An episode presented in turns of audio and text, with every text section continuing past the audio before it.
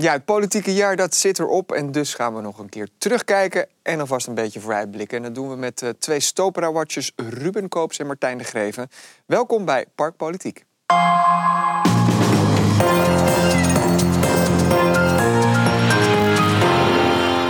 Heren, van harte welkom. Dank u. Uh, we beginnen natuurlijk, ja, reces, een beetje gek, ook door corona voor iedereen. Maar het is nu eenmaal reces, dus we gaan even terugblikken. Onze bestuurders en volksvertegenwoordigers onder de loep nemen. Te beginnen met de burgemeester paar weken geleden nog maar een belangrijk debat.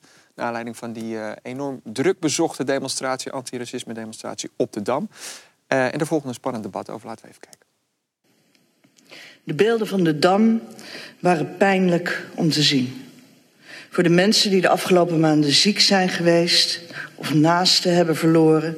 En voor ieder ander die de afgelopen maanden opofferingen heeft gebracht vanwege het coronavirus. Ik ben hiervoor ten volle verantwoordelijk. En betreur dat dit heeft kunnen gebeuren. Ja, Martijn, het heeft ze ook toch wel weten om te turnen eigenlijk. Hè? Dat debat zelf, de aanloop er naartoe, of uh, hoe zie jij dat? Ik vind dat als je het helemaal bekijkt, dat ze het redelijk goed gedaan heeft. Echt redelijk goed. Dus iets andere toon, ook een paar keer goed meebeweegt toen het een paar keer echt spannend werd, toen de oppositie kritische punten maakte. Redelijk goed gedaan. En waar zit het redelijk in? Uh, nou, kijk, als je natuurlijk hier, hier verzuurd uh, nog een keer wij spreken, een enorm conflict in de raad belandt, in een soort venijnig debatje, dan kan de schade nog veel groter worden.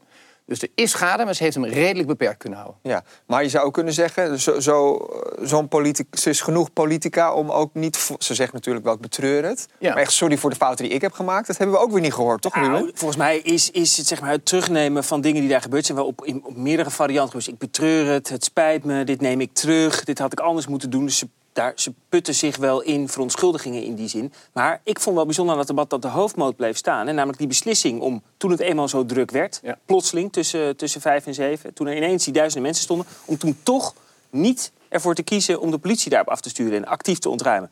Die beslissing heeft ze ook in de Raad altijd verdedigd. Van ja, ik kon dat niet anders dan die beslissing nemen. Dus we hebben een verkeerde inschatting gemaakt, maar niet ontruimen. Daar sta ik nog steeds achter. En daar heeft de Raad er uiteindelijk ook in meerderheid in gesteund. Maar, maar de grap was bijna dat er ook niks in te grijpen was of op te schalen was. Want er was ook niemand beschikbaar. En dat was natuurlijk uiteindelijk nog wel nog steeds in de tijd waarin we zitten, hè, gripfase of grip 4, is toch een, uh, een soort van bijna opperste staat van paraatheid. En er was helemaal niks. Ja, ik blijf zeggen, ik, dus ik, ik, vond het toch, als je praat over het gezag en de autoriteit op zo'n moment, was de eerste dag dat de jongeren ook weer naar buiten mochten. Mhm. Dus we gingen langzaam, voorzichtig gingen we weer buiten spelen. Ehm, ik denk dat, ja, dat veel mensen echt helemaal rot geschrokken zijn. En vooral ook, ook dat het gewoon maar liep zonder dat er enige vorm van regie was of controle. En toch betrap ik mezelf ook wel eens op als je toch één stapje naar achter zet. Dat je soms wel eens denkt, ja, zitten we nou toch naar een postzegeldiscussie te kijken? Mm Als er wereldwijd miljoenen mensen de straat op gaan hier is geen conflict geweest, geen agressie, geen winkelruit gesneuveld. Uh, dus het is een heel soort raar duaal gevoel heb ik erbij. Uh, ja, je ziet het ook met die demonstratie van viruswaanzin, hè, bijvoorbeeld in Den Haag. Daarvan heeft de burgemeester van Den Haag gezegd... Uh, jullie mogen niet komen demonstreren. Dat heeft hij eigenlijk volgehouden tot een half uur voor de demonstratie. Maar ja, dan zie je wat er gebeurt. Dan weten mensen dat de, de, sterke arm der wet gaat handhaven. Dus dan komen er voetbalhooligans uit allerlei holen en gaten gekropen... om daar te gaan, gaan rellen. de, de politie en Halsma hebben altijd gezegd... er waren antifa's, dus extreem linkse demonstranten... ook op die dam aanwezig. Dus er zat echt wel logica in om te zeggen... we gaan hier niet uh, keihard handhaven. Maar is ook wel mazzel gehad natuurlijk dat gelukkig... dat virus een beetje op de vlakte is gebleven de afgelopen tijd. Dat wisten we toen op dat moment ook nog niet echt natuurlijk. Uh, maar dat gezegd hebbende, twee jaar nu burgemeester Halsema... burgemeester van Amsterdam... Um, ja, lastig natuurlijk om even de, de, balans op te maken in een paar zinnen. Maar toch, uh, ze wil zo graag Amsterdam, burgemeester van alle Amsterdammers zijn. Lukt dat er een beetje? Nou ja, jij, jij zei het net in een tussenzin. Ze is genoeg politica. En dat is eigenlijk haar probleem. Ze is een hele goede politica, namelijk los van wat je van haar standpunt vindt. Maar het punt is, dat moet veel verder af, dat jasje. Nog je moet veel minder politica zijn. En dus veel meer, dus eigenlijk de zogenaamd neutrale boven de partijen zijn de burgemeester. Dus als je zegt, toch na twee jaar iets van een tussenbalansje. Uh-huh. Nou, uh, daar kan er wel een pontje bij. Ja? Wat denk jij, Ruben? Ja, er zijn, er zijn eigenlijk twee dingen die hiermee samenvallen. Eén, zij is natuurlijk begonnen in dezelfde tijd dat ook die behoorlijk linkse coalitie van Amsterdamse partijen, hè, GroenLinks, D66, PvdA en SP, is aangetreden. Dus eigenlijk alles wat die linkse coalitie aan de stad verandert, eh, wat linkse mensen vaak leuk vinden, wordt natuurlijk op haar geplakt. Want zij is de burgemeester en eigenlijk het meest zichtbare deel van het Amsterdamse stadsbestuur. Dus daar heeft ze veel last van. En je ziet ook dat ze soms zelfs behoorlijk liberale standpunten inneemt. Krakers aanpakken, uh, asielzoekers, uh, de vreemdelingenpolitie bellen, preventiviëren willen invoeren. dus je ziet dat ze juist ten opzichte van die coalitie een wat scherper profiel zoekt. Het tweede probleem is wel dat er ook wel vaak wat onhandige uitspraken zijn. Hè? Dus dan heb je zo'n situatie op de Dam. Maar dan volgt er toch nog even zo'n interviewtje bij AT5... waarin ze dan per ongeluk zegt... ja, deze demonstratie is te belangrijk uh, om, nu, om nu af te sluiten. Uh, dat had je ook toen helemaal aan het begin. Hè, met, uh, dat ging over de burka-discussie. het, burka-verbod handhaven. Dat is zo on-Amsterdam, zegt dan, ze dan. Als je, want we constateren ook dat het een hele goede politica is... dat dat er toch insluipt? Nou ja, omdat je natuurlijk als oppositieleider... en als oppositiekamerlid moet je altijd overal een mening voor hebben. En je wil die mening zoveel mogelijk naar buiten brengen. Ja, want je hebt geen macht. De enige macht die je als, als oppositiekamerlid hebt... is via de media. Uh, uh, dus daar ben je heel goed in. Dus daar dat is heel... nog een standje dat ze zo gewend is om gewoon die, die precies, manier... maar, precies, en dat dan verkeerd inschatten. Uh, nu ben je burgemeester van alle Amsterdammers. En dan ja. moet je gewoon iets beter ja. op je woorden letten. Nee, maar als je dus zegt, hè, ze, ze laat geen kans onbenut om te zeggen... zoals mijn voorganger zei, de demonstratierecht is bij kans heilig. Dus die opmerking die herhaalt ze de hele tijd.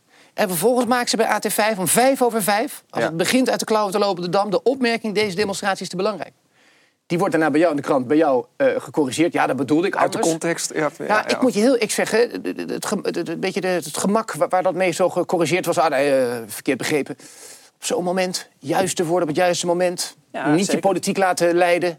Ja, ik vond dat, ik vond dat in die zin blijf ik En daar merk je ook wel, binnen de coalitiepartijen wordt dat ook wel een beetje... dat wordt dan ook een bepaalde irritatiefactor. Mensen hebben daar geen zin meer in dat dit soort dingen... als er een crisis of als er een gebeurtenis is... dat dit soort dingen dan eigenlijk de discussie bepalen. En, en dus, dan hebben we het nog niet eens over die app-conversatie met uh, minister Grappenhaus gehad natuurlijk.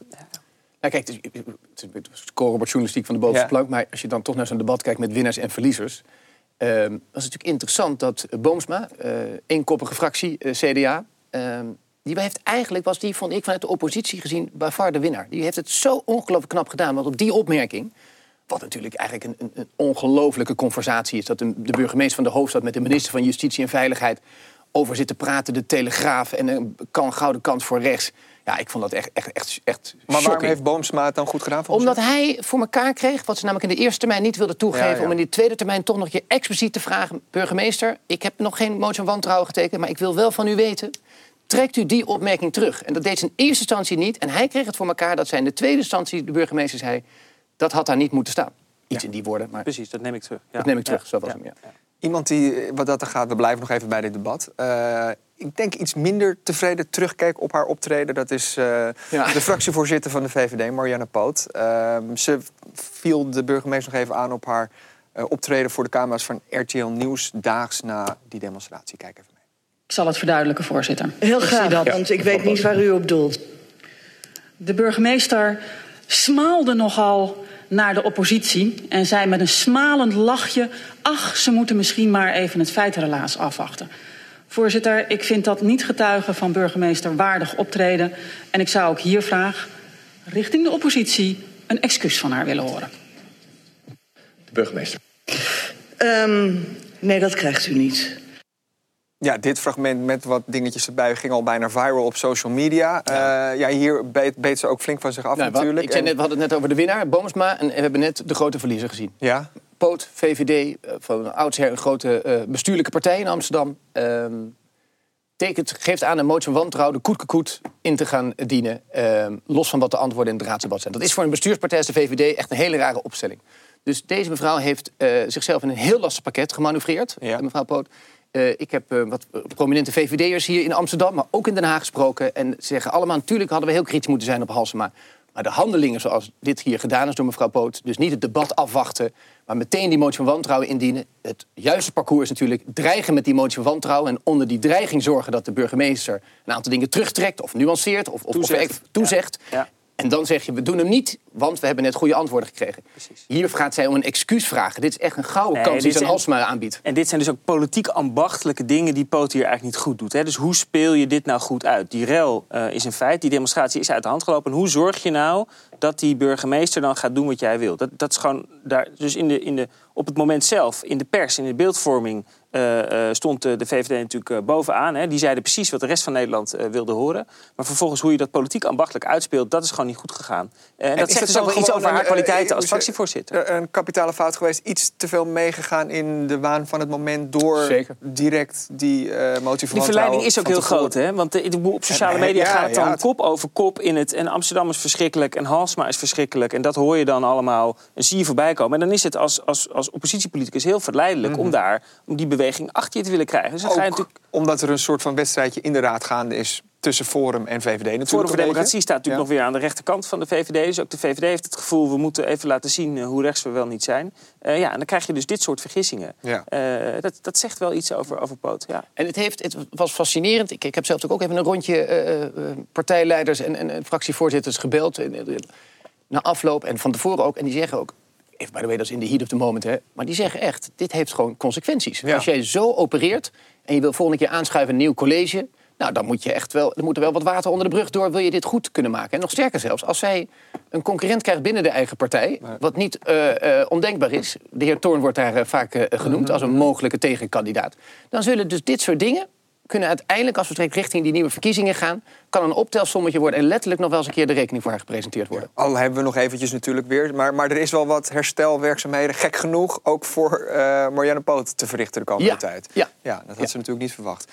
Eh, als we gewoon, en we gaan nou inderdaad even terugblikken op het afgelopen jaar. We gaan even wat verder terug, naar september vorig jaar. Toen stapte de D66-wethouder van Financiën en Economische Zaken, Uro Kok, op.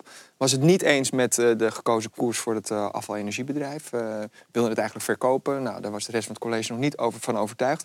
Hij stapte op. En, nou, ja, crisis zou je zeggen. Laten we nog even kijken hoe het toen en toe ging op de stopera. Nee, ik ga niet reageren. Wat? Ik ga niet reageren. Ja, maar het is toch wel best wel groot nieuws, meneer Grootwassink. De wethouder van Financiën stapt op. Ik ga niet reageren. Ik ben even een pauze aan het houden en met eh eh, Reinier aan het praten. En verder geef ik geen reactie. Er is wel een klein beetje crisis in het college. Ja, maar we gaan- zijn nu even hier, eh Het is spijtig. tuurlijk. Ja? Had u het verwacht? Nee, hoe nu verder? daar gaan we over praten. Jullie gaan er samen uitkomen. Nee, daar zitten we samen in. Ja, dat Wat? We zitten er samen in. Ja. Grootwassink van GroenLinks, Van Dansing van D66. Dit was wel een belangrijk moment natuurlijk. Hè? Want die ochtend was dus eh, onder meer via het parool bekend geworden dat Udo Kok opstapte. Hij was het daar toch niet mee eens, die manier hoe AEB uiteindelijk eh, opgepakt is door het stadsbestuur. En jullie hebben toen die beelden hier gemaakt. Dat was eigenlijk wel heel belangrijk, want daarin zag je dus GroenLinks en D66, de twee grootste partijen van de coalitie, die waren eigenlijk gelijk samen aan het roken. Oftewel, Udo Kok was misschien weg, maar tussen die twee partijen zat het eigenlijk niet goed. Dat straalde, zat het eigenlijk best wel goed. Wat Dat verrassend straalde is, toch? bedoel, Dus als dat je zijn de twee belangrijkste wethouder We zitten er samen in, letterlijke tekst. Loco-burgemeester, we zitten er samen. Dus eigenlijk was er vanaf dat moment ook meteen wel een soort ontspannenheid in de stober. Van oké, dus de coalitie wordt verder niet opgeblazen. Want D66 en GroenLinks die roken nog gezellig samen. Ja. Dus dat was wel een belangrijk moment. En wie leidt eigenlijk de tango? Ja, als je het even zo mag omschrijven. Als je kijkt naar... Nou ja, Groen- GroenLinks is natuurlijk de grootste partij. Je hoort ook wel eens dat D66 een beetje vermalen wordt... door die drie andere linkse partijen. Nou, het is natuurlijk wel bekend dat natuurlijk die eh, eh, eh, SP, eh, GroenLinks en, en Partij van de Arbeid... dat daar natuurlijk een soort natu naturele chemie onderling Mhm. zit. Die, die kennen elkaar ook al heel lang en goed. Dus alleen ook qua politiek signatuur heeft hij het al iets lastiger. En ik heb ook wel het idee dat hij af en toe, eh, om zijn punt te maken... wat harder moet werken dan de anderen. En Zeker gezien de grootte van zijn partij. Ja. Maar laten ze zich overvleugelen, denk je, Nou, op dit moment? Of, ziet- of is het... Ik, het ik zie juist meer een tandem tussen GroenLinks en D66. Ook omdat die kiezers natuurlijk heel erg op elkaar lijken. Kiezers die, die switchen vaak tussen die twee partijen. Terwijl juist de PvdA zich iets meer richting het midden probeert te profileren in deze, in deze coalitie. Dat zie je bijvoorbeeld met onderwerpen als eh, eh, eh, preventief fouilleren. Hè, waar, de, waar de PvdA nog wel even moest nadenken of dat nou wel of niet een goed idee was. Terwijl D66 en GroenLinks vanaf het begin af aan zeggen... afschaffen moeten we niet willen in Amsterdam. Dus je ziet, die, die partijen staan inhoudelijk best wel dicht bij elkaar. Natuurlijk als het gaat om financiën... Hè, komend jaar, eh, als er weer nagedacht moet worden over bezuinigingen, ja, dan gaat D66 natuurlijk voor de OZB liggen, voor de parkeervergunningen liggen. Eh, omdat ze toch dan inderdaad de rechterpartij zijn in, dit linkse, in deze linkse coalitie. Eh, maar die, die twee partijen staan dichter bij elkaar dan D66 en PvdA bijvoorbeeld. Maar dus nu zijn alle gemeentes zijn nu naar de, tegen Den Haag aan het zeggen... dit gaan we niet meer redden, Geldtekort, komt ja. geldtekort. Nou, er zal misschien iets komen of niks komen... maar in ieder geval niet voldoende, dat kunnen we vaststellen al van tevoren. Dus er gaan dus dit soort hele pijnlijke keuzes worden gemaakt... eh, eh, met extra kosten voor de Amsterdammer. En dan denk ik dat deze coalitie toch wel echt mekaars nieren moet gaan proeven. En dan Ja. ben ik het echt niet helemaal met jou toch eens. Want dan denk ik toch dat eh, die tandem D66 GroenLinks komt ook door Grootwassing. Die, dat, Ja. die die tandem zo vasthoudt, omdat het hem nu heel goed uitkomt. Maar als we zo direct de fase ingaan dat we schaarste gaan verdelen en pijn gaan verdelen... dan wil ik het nog wel eens zien. Ja, Want dan nee. denk ik dat hij namelijk eigenlijk voor langs kruist. Dat wordt inderdaad interessant, maar dan is ook weer de vraag: wat is het alternatief? Hè? Want Ja. wil, wil dan GroenLinks eh, met de VVD een ander bezuinigingspakket eh, door de Raad krijgen? Want uiteindelijk, bedoel, een gemeente is niet zoals het Rijk. Hè? Het Rijk kan gewoon eh, in de min eindigen, die kan gewoon bijlenen. Maar een gemeente moet altijd op nul uitkomen, anders word je, krijg je straf van de Nou, en, provincie. en ik hoor wel steeds, er zijn geen heilige, heilige huisjes... maar ondertussen wordt nog steeds flink de portemonnee getrokken. Deze week alleen nog wel weer eh, 111 miljoen euro voor een nieuw theater. Er komen niet één, maar drie bruggen over, over het ei. Eh, er moeten inderdaad keuzes gemaakt gaan worden... maar voorlopig hoor ik vooral van... nee, we moeten anticyclisch eh, investeren. Nou, ik, je kan waarschijnlijk van uitgaan dat kijk, nu, als je naar Den Haag kijkt, daar zitten we natuurlijk echt in de aanloop naar de verkiezingen. Dus we zullen nu eh, bij Prinsjesdag allerlei begrotingen komen met allerlei steunpakketten. Dat, dat, eh, dat komt eraan. Maar zodra dat voorbij is, dan eh, wordt op een gegeven moment, komt de nieuwe realiteit wel daar. En dan gaat het op een gegeven moment toch een keer ophouden met maar doorinvesteren, hoewel het, eh, de kast eh, Ja, leeg is. En kijk, en die brug over het ei, dat gaat natuurlijk over. Dat zijn uitgaven die je over vijf tot tien jaar een keer gaat doen. Hè? Terwijl dat gat wat er nu is, zo'n 350, 360 miljoen euro voor dit jaar alleen, dat gaat natuurlijk over nu. Dat Ja. moet dit jaar opgelost Maar waar ga je worden. het dan halen? Ja, ja, brug en kaders. waar Er zijn een aantal knoppen waar je aan kan draaien. Dus meer inkomsten. Hè? Toeristenbelasting omhoog, parkeerbelasting omhoog, OZB omhoog. We zijn geen toeristen, maar goed. Nee, precies. Hè, maar dat, dus dat die paar toeristen die er zijn verder, verder uitmelken, waar de horeca natuurlijk erg bang voor is. Eh, je kan eh, kijken naar de, de potjes en de fondsen die er zijn. Er is een heel groot klimaatfonds waar nog het een en ander in zit. Er is een groot fonds voor bruggen en kades waar nog het een en ander in zit. Eh, nou ja, dat zijn ongeveer de smaken die je hebt. Den Haag heeft het nu ongeveer duidelijk gemaakt. Hè? Die tranche zal ongeveer, dat is een half miljard, daar gaat ongeveer, schijnt zo rond de 100 miljoen eh, naar Amsterdam. Eh, nou ja, dan blijft er dus nog, nog zo'n 250 miljoen over die, die gevuld Ja. moet worden. En Everhard, we zien hem even op de achtergrond, die, die volgde dus Kok op. Kwam we over vanuit, eh, vanuit Utrecht. Ehm, die zal pijnlijke keuzes moeten gaan maken dus. Maar we zien ook al dat hij het moeilijk heeft nu in die coronacrisis, toch? Het is, hij is nog een beetje zoekend. Eh, ja, eh, en de- maar hij heeft het ook niet makkelijk hè, met deze portefeuille. Want de, de, de horeca, hoteliers, restaurateurs hebben natuurlijk de handen in het haar. En die zoeken ook een beetje zondebok voor de ellende die hun Ja, overkomt. maar die brief was ook niet echt Dus handig. die hè? Everhard Want- die stuurt een brief over het feit van... nou jongens, als er nou weer een tweede golf aankomt... en wij willen onmiddellijk rust op straat hebben... dan in dat uiterste geval willen we hotelkamers kunnen sluiten. Nou, dat wordt hem dan meteen ingevreven door de horeca van... ja, maar u wil, u wil geen toeristen hebben en u wil ons... terwijl we al op apengapen liggen Ja. meteen. Kijk, dus dat soort dingen, dat, dat had hij natuurlijk ook niet verwacht... dat het zo, dat het zo heftig zou worden meteen. Hij dacht natuurlijk in de luwte in het eerste jaar... En in even rustig corona, eh, leren. En nu zijn alle ogen op hem gericht. Ja, nu heb je iemand nodig is- die kan financial engineering. Dus hoe kan je nou met die miljoenen schuiven om te zorgen dat het uitkomt? Over Ik die- denk dat mensen nog wel eens met heimwee terugdenken aan de creativiteit die Udo Kok op dit vlak had. Dat zou me ook niet verbazen. Maar over, over de, de toeristen. ehm hè, er natuurlijk toch een soort, soort sfeer nu van... nou, dit is wel fantastisch, hè, die lege straten en, en, en de gouden kans, dit moeten we aangrijpen. Ja. Nou, waar we het nu over hebben, met die enorme schaarste en drukte die daar aankomen... Vrij vertaald, als je dus toeristen uit de stad gaat weren... zul je ergens anders inkomstenbronnen moeten gaan doen. Ja. Of ergens anders kosten moeten gaan wegsnijden. Precies. Dus wat je gaat krijgen, ik durf je nu al te voorspellen... ik wil niet zeggen dezelfde massaliteit... maar de sluizen gaan gewoon weer open. Die toeristen hebben hartstikke hard nodig om al deze pijn een En beetje niet te alleen voor en het zie je geld, wat dat betreft voldoende crisisstand bij dit college? Ja, denk ik wel. Maar dat- echt vanuit links perspectief natuurlijk. Hè. Ik bedoel, Ja? e- Echt, ja, natuurlijk heel veel Oh, dus- steun- steunpakketten. Ja, ik denk, Nou, maar het is, een mooi, het, is een, het is best een catch-22. Want je hebt aan de ene kant dus die, die kans om iets met die drukte te doen. Hè, zo zien linkse partijen dat. Maar wie profiteren nou het meest van al die banen in de horeca, in de hotels? Dat zijn de mensen in Zuidoost en Nieuw-West. In Nieuw-West wonen heel veel mensen die op Schiphol wonen bijvoorbeeld. Dus als je zegt, we willen geen budgetvluchten meer... we moeten nu iets verzinnen om die vakantievirus weg te halen... dan gaat dat om de levens van mensen die... en veel kiezers van deze, juist deze linkse partijen. Dus dat maakt het natuurlijk wel moeilijk om te zeggen... weg met die toeristen. En dat snappen die hoteliers natuurlijk ook. Het gaat niet alleen maar om wel of geen drukte. Het gaat ook om welvaart, wel of niet, voor heel veel Amsterdammers. De kleine baantjes wordt dat genoemd. Ja. Eh, als we nog even teruggaan naar eh, wisselwerking tussen raad en, eh, en college. Hadden het net over Groot Wassing. Die is natuurlijk jarenlang vanuit de raad samen opgetrokken met nu zijn fractievoorzitter Femke Roosma. Eh, hoe doet zij het vanuit de raad? Bewaakt zij goed dat, eh, dat GroenLinks profiel? Nou ja, je ziet dat zij ook nog wel een beetje moet wennen. Kijk, Martijn de Geven eh, is ook actief geweest in het stadhuis... in de tijd dat de PvdA nog heel erg groot Zeker. was. Hè? En dan ging het zoals de PvdA het wilde. De PvdA was de grote partij. Dat was eigenlijk geen vraag. Bij GroenLinks is er veel meer ruimte voor die andere partijen. Zij domineren niet zo zoals andere grootste partijen dat vroeger deden. Eh, dat zie je bijvoorbeeld met dat debat van Halsema. Hè? Er was een, een, eh, een, eh, een, eh, een interpellatiedebat. En eigenlijk mochten de vier oppositiepartijen eerst Halsema uitgebreid onder vuur nemen in de eerste paar uur van dat debat. Dat is gewoon een slimmigheidje, omdat GroenLinks heeft niet meegetekend met dat debatverzoek, dat wilden ze niet, waardoor dus die oppositiepartijen vrije kans hadden met Halsema. Terwijl als je natuurlijk als grootste partij zou je natuurlijk ook kunnen zeggen, ja, maar wij willen wel de gelegenheid hebben om onze Ja. burgemeester een beetje te beschermen. Nou, je ziet dus dat ze dat haar op de tanden bij GroenLinks nog niet echt hebben. Ik wou net zeggen, want dat is een inschattingsfout geweest, denk je, of niet? Nou ja, dat was vrij eenzijdig. Uiteindelijk heeft Ja. Halsema het zelf vrij goed doorstaan. Maar Ja. van tevoren Ja. was het wel zoiets van... ja, eh, shit, dus de burgemeester gaat de eerste deel van dit debat... zonder steun van de coalitiepartijen moeten voeren. Nou, dat soort dingen die zouden in PvdA-tijd niet zo snel gebeurd zijn.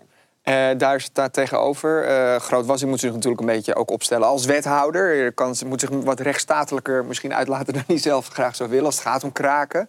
Maar ook als we nu zien met de grote antiracisme-demonstratie. eh, of eh, eh, de protesten daartegen natuurlijk. Ehm, dan doet het, dat is, lijkt wel een soort van rolverdeling tussen die twee, toch? Hij zegt hier aan deze tafel van... wij willen geen, eh, geen straten hernoemen of, eh, of de Koentunnel hernoemen. Maar vervolgens dient zij inderdaad een voorstel in... om de Koentunnel een andere naam te geven. Dat is gewoon politiek slim, denk ik. Of... Ja, dat zal. eh, ik denk niet dat ze elkaar verrast hebben. Laat ik het zo zeggen. Overigens ben ik het wel, en dat heeft Halsma ook wel goed gedaan.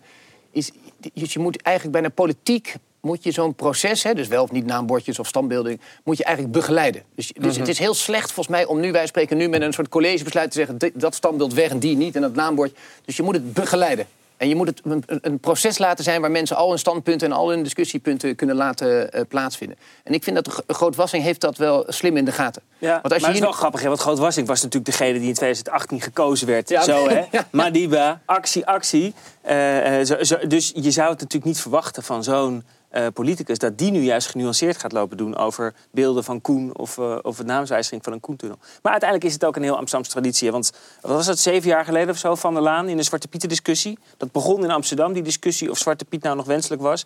Toen is Van der Laan er ook tussenin gaan zitten, gaan bemiddelen tussen de, de stichting die dat elk jaar organiseert en die mensen die daar grote moeite mee hebben. Wel, wel een mislukte bemiddeling trouwens, hè? Nou ja, maar goed, volgens mij is Amsterdam nu een van de eerste gemeenten al een paar jaar waar nee, zelfs geen roetveegpieten meer zijn. Of, Ja. of zijn ze nou gekleurd? Ik weet het niet precies meer. be- het maar dat, was daar, ja. dat probleem is, is hier al lang opgelost. We hebben het over Poot gehad. Ik hoorde Boomsma vallen. Eh, je had het net over dat interpellatiedebat... waar dus eerst de oppositie vol op de burgemeester ging. Eh, De oppositie blijft wel versplinterd. Maar vind jij er een partij bovenuit steken die het toch goed doet? Ja, ja nou, ja, Boomsma hebben we al genoemd, maar Don Seder van de ChristenUnie Ja, is wel echt een, absoluut. eh, een talent. Eh, een goede sociaal advocaat, heeft een goed profiel. eh, maar is ook gewoon politiek handig en hard. Eh, Mhm. is is niet, eh, niet bezig met het maken van, eh, van vrienden, maar echt, echt valt het college en diverse wethouders steeds hard en scherp aan. Ja, kiezers krijgen waar voor hun geld bij hem. Dat kun je, als je zeg maar gewoon politiek ambachtelijk kijkt, kun je dat gewoon wel zeggen. Ja, Ceder is, is nieuw. Er zitten er ook al een paar nestors, onder wie ook Jonas van Lammeren, fractievoorzitter van Partij voor de Dieren. Ik sprak hem deze week nog even op het terras van de Stopera. En ehm, nou, laten we even kijken. Bent u volgend jaar om deze tijd hier nog steeds raadslid eigenlijk voor de Partij voor de Dieren? Eh, nee, dan zit ik in de Tweede Kamer. Mag ik hopen. Ja, dat, eh, ja, hoe, hoe, hoe arrogant en hoe zelfverzekerd moet je daar overkomen. Ik hoop dan in de Tweede Kamer te zitten. Eh, maar dat is aan de kiesraad, dat is aan de leden en dat is uiteindelijk aan alle stemmers. Dus daar zijn nog, gaat nog heel veel water door de Amstel voordat dat eh, eventueel zover is. Ja, Martijn, er komen verkiezingen aan natuurlijk. Eh, landelijk. Maar even, ik- dit dit is een beetje, men, men kijkt een beetje verschrikt van wat, wat zegt hij nou zo recht voor zijn raap. Eh, ik vind het eigenlijk wel verfrissend. Ja. Hij zegt gewoon precies waar het op staat en hoe hij er in de wedstrijd zit. En normaal gesproken gaan mensen dan een beetje eromheen zitten kakelen. Eh, hij, hij, ja, ik vind Hij het wil wel verfrissend. Ja, alhoewel, hij zit hier natuurlijk voor vier jaar. Eh, hij zit er dan wel al lang in de raad, maar dat is geen probleem. Nou ja, op zich ik ben ik ben altijd tegen een duiventil. Maar ik, ik vind wel een verschil of iemand vanuit de raad naar, naar, naar Den Haag, naar een kamer... of eh, wat voor positie ook dan eh, dingen gaat. Maar Van Lammeren zit er al, die is de Nestor, hè? die zit er 10 of 12 jaar of zo. Ja, ja nee, daar, daar, moet je. Op zich is het goed als raadsleden zo lang mogelijk blijven zitten. Deze man zit er al heel lang en gaat met dat mandaat. Zet hij nog steeds voor dezelfde. Zouden we eigenlijk meer willen zien? Dat eh, politici gewoon eh, wat, wat eerlijker en franker en vrijer hun, hun ambities uitspreken. Ja, je moet je wel, wel een beetje de ruimte, maar hij kan dat doen. Kijk, als jij nu in het college zit, waarschijnlijk ook wethouders die zeggen: Ja. God, als die Kamerverkiezing zo en zo uitloopt, zou ik wel eens wethouder kunnen worden. Dan heb je natuurlijk wat minder bewegingsruimte om zo, zo, Als je zo te bent. Nee, er wordt natuurlijk wel heel veel gekletst nu in de, in de, in de Stopera. Want er zijn natuurlijk allerlei kamerkieslijsten die nu gevuld worden. Dus er wordt van Annabel Nanninga gezegd dat ze toch nog wel eens die overstap naar de Tweede Kamer zou gaan maken. Kan ze in plaats combineren, dan van. heeft ze vijf functies waarschijnlijk. Dat, dat is dus, ze heeft er nu inderdaad drie, maar dat zou inderdaad niet kunnen. Het Kamerlidmaatschap moet je alleen eh, voeren. Eh, Don Seder, die ik net Ja. noemde, die, daar, daar, die, daar, die sollicitatiebrief is ook eh, de deur uit. Binnen de PvdA wordt natuurlijk gekeken. Hè. De PvdA is weer aan het terugkrabbelen. Dus best logisch dat die partij mogelijk, als de, als de verkiezingsuitslag niet tegenvalt, in een nieuwe coalitie in Den Haag komt. Nou, wat, wat betekent dat dan voor Marjolein Moorman? Hè? Toch een vertrouweling van Lodewijk Asscher. Wat betekent dat dan voor Sofia Mabarki, die nu fractievoorzitter is? Schuift hij dan door naar het college van BMW? Dus iedereen is daar wel zo een beetje naar elkaar aan het kijken van wat moet ik doen. En, uh... en zo blijft Amsterdam toch ook een beetje een broedmachine voor Den Haag dus? Ja, of, uh, ja? altijd ja? geweest ook. Ja. Ik moet ook wel zeggen, ik vind het wel een... een, een, een, een kijk, als jij wethouder in Amsterdam bent en je kan naar het kabinet toe... als staatssecretaris of misschien zelfs minister, bedoel, tuurlijk. Maar ik vind als een wethouder Kamerlid wordt... Nou, dat vind ik echt nergens over gaan. Als jij wethouder in de grootste stad van Nederland bent, de hoofdstad... en je gaat naar een Kamerlidmaatschap, ten, los van welke partij... dat vind ik echt een beetje niet helemaal... Uh... Daar, ga, daar, daar, gaan we op letten. Dus Moorman, tegen, jij zegt niet doen. Nou, hij, hij, ja, ik weet het niet. Ik vraag me dat af. Dat, dat, dan ik, denk, ik denk dat Moorman hoopt op een plek in het kabinet, inderdaad. Dat, Ja, dat, is, ja, dat, dat dan- matcht meer met... eh, eh, maar voor Mabarki is dan het dilemma. Hè. Moet ik solliciteren voor die Tweede Kamer? Die is nu fractievoorzitter. Of moet ik wachten tot Moorman misschien weggaat... en dat ik dan eventueel haar plek in het college van BMW kan opvullen? Dus ja, mensen moeten een beetje strategisch nadenken nu. Wat is verstandig? We gaan het in de gaten houden. Maar eh, verder, waar, waar ja, kijk jij naar uit vanaf volgend jaar weer dan? Nou ja, die, Ja, corona die- natuurlijk. Eigenlijk, hoe we dat eigenlijk wordt het er gewoon, we beginnen eigenlijk weer helemaal opnieuw. Dus er waren allerlei grote plannen Ja. eh, in Amsterdam, hè, in, dat, in, dat, eh, in dat coalitieakkoord. Eh, maar door die enorme coronacrisis die nu is Mm. en dat enorme financiële gat...